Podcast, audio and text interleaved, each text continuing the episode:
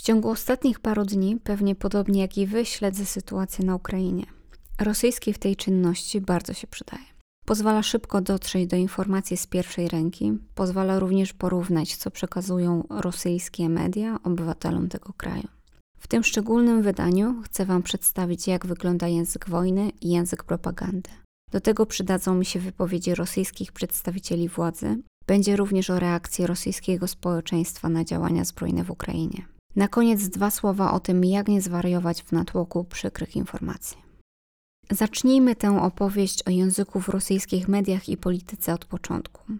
Tym początkiem były słowa Putina na spotkaniu z głowami Ługańskiej i Donieckiej Republiki Ludowej o tym, że Rosja uznaje suwerenność i niepodległość tych republik, a także ratyfikuje dogovory o drużbie, сотрудничестве i wzajemopomoczi z republikami Donbasa, czyli umowę o przyjaźni, współpracy i wzajemnej pomocy z republikami Donbasu. Po tych słowach cały świat zwrócił swoją uwagę w stronę Rosji.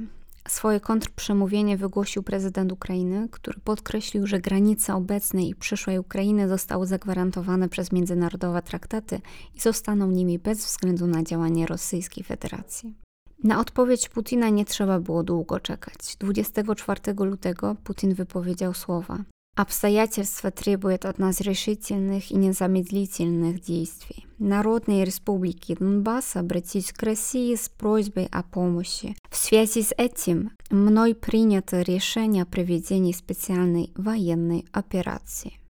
Okoliczności wymagają od nas zdecydowanych i natychmiastowych działań. Republiki Ludowe Donbasu zwróciły się ku Rosji z prośbą o pomoc. W związku z tym podjąłem decyzję o specjalnej wojennej operacji. Putin powołuje się na ustawę ONZ i wspomnianą wcześniej umowę o współpracy z Donbasem. Zwrócę Waszą uwagę na jedno niezwykle znaczące słowo operacja. Mówi ono nam o tym, jakie miejsce w tej sytuacji przewidziane zostało dla Rosji i jej żołnierzy. Operacja kojarzy nam się z czymś, co ma uleczyć jakieś niesprawne miejsce. Operacja to również coś, co ma obmyślony plan, nie ma trwać wieczność, ale ma się zakończyć oczekiwanym rezultatem. Właśnie słowo operacja przedostało się do rosyjskich mediów, a wraz z tym słowem Putin dopowiedział, że jego celem jest obrona ludzi, którzy w przeciągu ostatnich ośmiu lat poddawani są ludobójstwu ze strony Kijowa. Dalej mowa jest o celu tej operacji, jakim jest demilitaryzacja i denazyfikacja. Tu taki paradoks językowy i logiczny. Putin mówi: Oczyśćmy Ukrainę z żołnierzy i nazistowskich zapędów. Dopowiem tutaj, bo oczywiście takie słowa nie padły.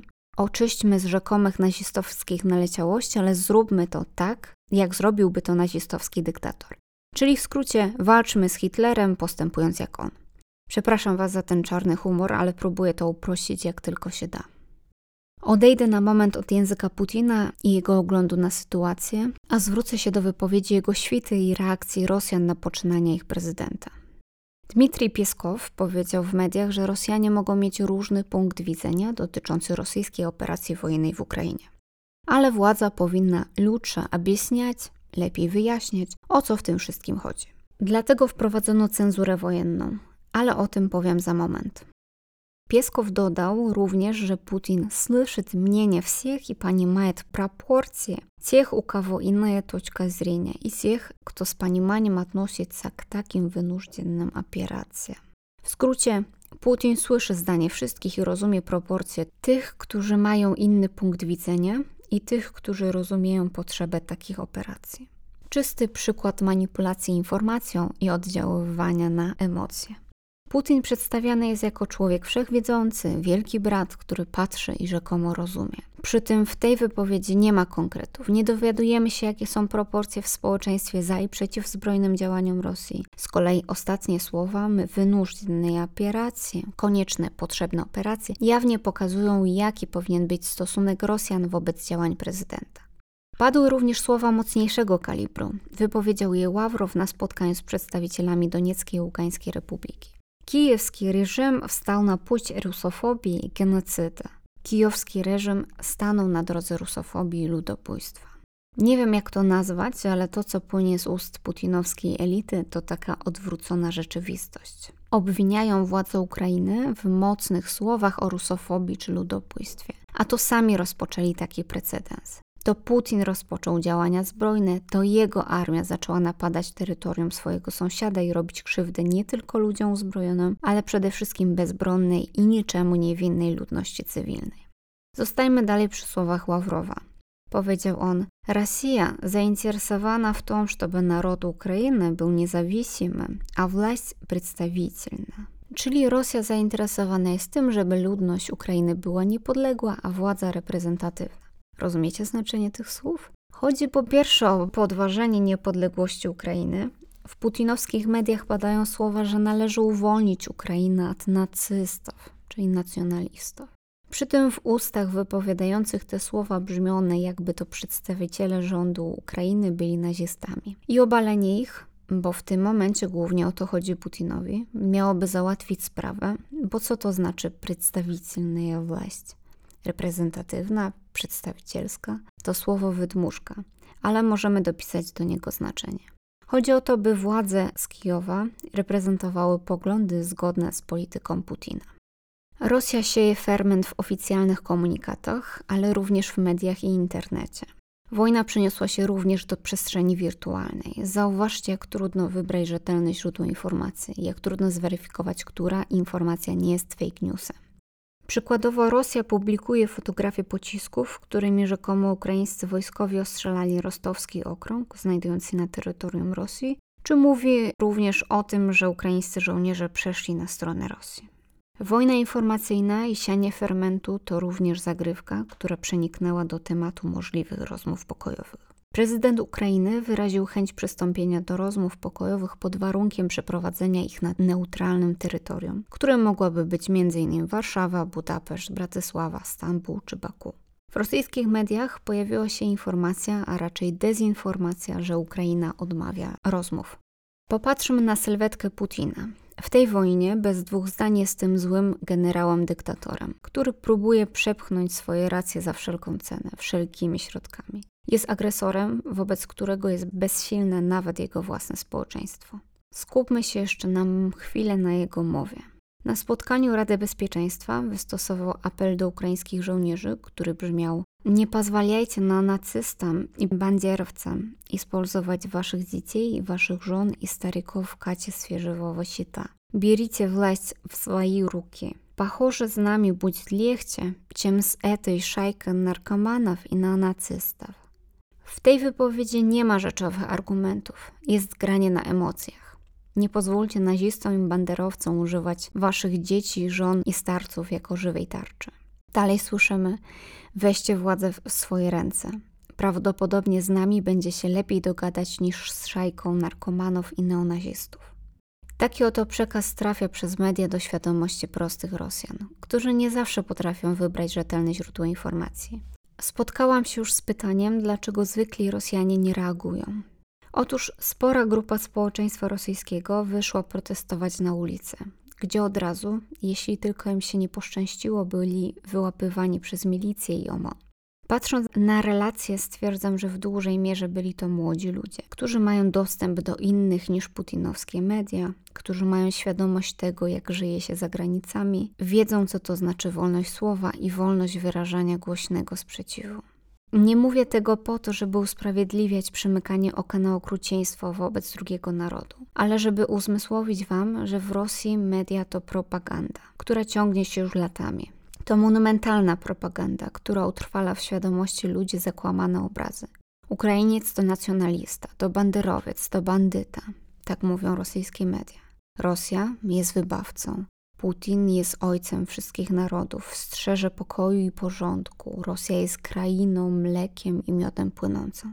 Jeśli takie rzeczy przekazywane są wielokrotnie, nawet człowiek sceptyczny zaczyna w to wierzyć. A co dopiero człowiek, który edukował się w czasach Związku Radzieckiego, kiedy to nauczono go przyjmować jedną prawdę, oficjalną prawdę, nawet jeśli ona była zakłamaną prawdą, a nie dano mu umiejętności krytycznego myślenia.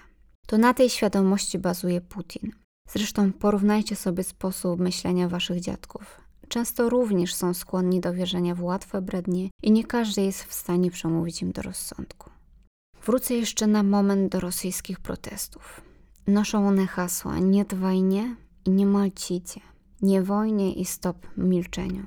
Rosyjscy artyści, dziennikarze, pisarze, politycy, uczeni i zwykli obywatele wyrażają swój sprzeciw wojnie w mediach społecznościowych i na ulicach. Przykładowo rosyjski raper Oksimiron odwołał sześć koncertów, co argumentował następująco. Я не могу развлекаться, пока на Украину падают российские ракеты, пока жители Киева вынуждены прятаться в подвалах и метро, и пока гибнут люди. Takich gestów solidarności z Ukrainą jest znacznie więcej. W Rosji trzeba uważać, co i gdzie się mówi. Rosyjskie służby aresztowały w pierwszy dzień około 2000 protestujących. Zostaną im wytoczone procesy sądowe, ponieważ w Rosji organizowanie protestów, tym bardziej w dobie pandemii, jest bardzo znaczącym naruszeniem prawa. W Rosji różne instytucje, głównie państwowe, dały swoim pracownikom zakaz wypowiadania się na tematy związane z Ukrainą. Zatem zwalniani są ludzie, ściągane niektóre programy, jak na przykład wiecierni Urgent. Roskomnadzor również częściowo zaczął ograniczać dostęp do Facebooka w odpowiedzi na to, że sieć społecznościowa zaczęła ograniczać niektóre z rosyjskich kont informacyjnych, takie jak Gazeta.ru, Zwiezda czy RIA Nowości. Wczoraj odnalazłam informację o tym, że dostępność Facebooka obniżyła się do 86%. Zmniejszono również prędkość Twittera, aby ograniczyć ludziom dostęp do wiadomości i możliwość ich rozpowszechniania. Zatem niektóre strony zaczęły przenosić się do innych kanałów, takich jak Telegram i tym podobne. Instagram zaczął oznaczać, które konta są kontrolowane przez państwo rosyjskie. Ministerstwo Obrony w Rosji oficjalnie obwiniło Nową Gazetu o rozpowszechnianie fejków o wojnie w Ukrainie. Inne źródła, które wypowiadają się na tematy związane z wojną z Ukrainą, muszą podpiąć klauzulę brzmiącą. Роскомнадзор считает несоответствующей действительности информацию об обстрелах украинских городов и гибели мирных жителей Украины в результате действий российской армии, а также материалы, в которых проводимая операция называется нападением, вторжением либо объявлением войны. Roskomnadzor uważa, że informacje o strzale ukraińskich miast i ginięciu cywili Ukrainy w wyniku działań armii rosyjskiej, a także materiały, w których przeprowadzana operacja jest nazywana napaścią, wtargnięciem lub ogłoszeniem wojny, nie jest zgodna z rzeczywistością. Oto jeden z przykładów wojennej cenzury, który ogranicza wypowiadanie się na tematy wojenne w inny sposób niż zgodnie z duchem partii. Wyobraźcie sobie do tego, jak w tym chaosie propagandy czuć się muszą rodziny żołnierzy i sami żołnierze, którzy nawet nie wiedzieli, gdzie im przyjdzie wykonywać rozkazy. Staram się rozmawiać o tym, co się dzieje z moimi bliskimi. Tłumaczę moim braciom, uczniom, że nie należy wierzyć wszystkiemu, co widzimy. Jeżeli jest to możliwe, lepiej nie dzielić się drastycznymi obrazami i informacjami, bo to na nas mocno wpływa, na nasze zdrowie psychiczne, a w rezultacie tego również na fizyczne. Często są to również fake newsy, których rozpowszechnianie wzmaga panikę i strach. A pamiętajcie, że o to również chodzi w wojnie. Spędziłam ostatnio wiele godzin przeglądając informacje, oglądając przemówienia i słuchając wiadomości głównie z rosyjskich i ukraińskich źródeł. Poczułam się bardzo nieswojo, jak z ust mojej uczennicy padły słowa. A widziała pani, co się dzieje na Ukrainie? Chciałoby się odpowiedzieć szorstko, a kto nie widział, ale postanowiłam, że tak nie mogę. Młodzi ludzie też pragną wiedzieć, co się dzieje, czasem trzeba przetłumaczyć to na ich język, więc bądźcie cierpliwi i wyrozumiali. Nie dajcie się też ponosić teorią spiskowym lub typowemu dla polskich gdybaniu. Na koniec mój mały apel o to, abyście sprawdzali źródła, z których czerpiecie informacje. Wiem, że nie jest to łatwe. Pamiętajcie, że nawet niezawodne źródła mogą przekazywać fałszywe informacje. Dbajcie również o siebie i swoich bliskich. Nie pozwalajcie przebodźcować się informacjami. Jeśli chcecie być na bieżąco, róbcie sobie przerwy, w których odcinacie się od świata informacji. Jeśli chcecie pomóc innym, zgłoście się do organizacji i miejsc, które taką pomoc oferują. Sprawdzajcie wiarygodność zbiórek, na które chcecie przekazać datki. Sytuacja chaosu to również pole do nadużyć oszustów, którzy czyhają na okazję. Zgłaszajcie przypadki działania na szkodę uchodźców, czy to w internecie, czy w rzeczywistości. W tym beznadziejnym czasie miło jest obserwować, ile dobrego serca możemy przekazać innym. Do usłyszenia wkrótce, trzymajcie się. Do szвидкої зустрічі, бережи себе. До скорої встречи, берегите себя.